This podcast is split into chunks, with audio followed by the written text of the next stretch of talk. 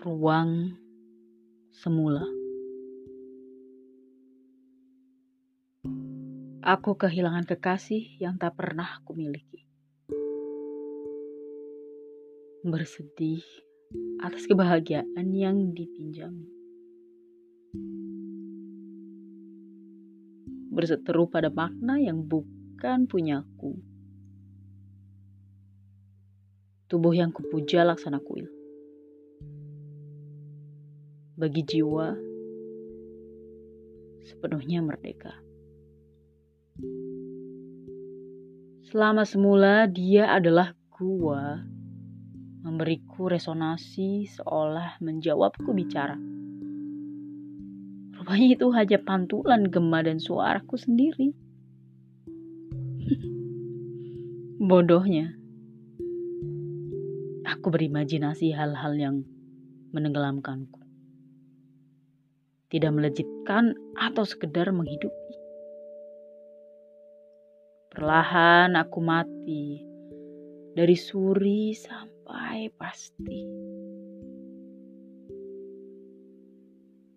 Di saat itu terjadi, barulah mungkin ruang memberi sedikit tempat supaya satu, dua, atau tiga orang kembali mengingat bahwa aku pernah ada di antara.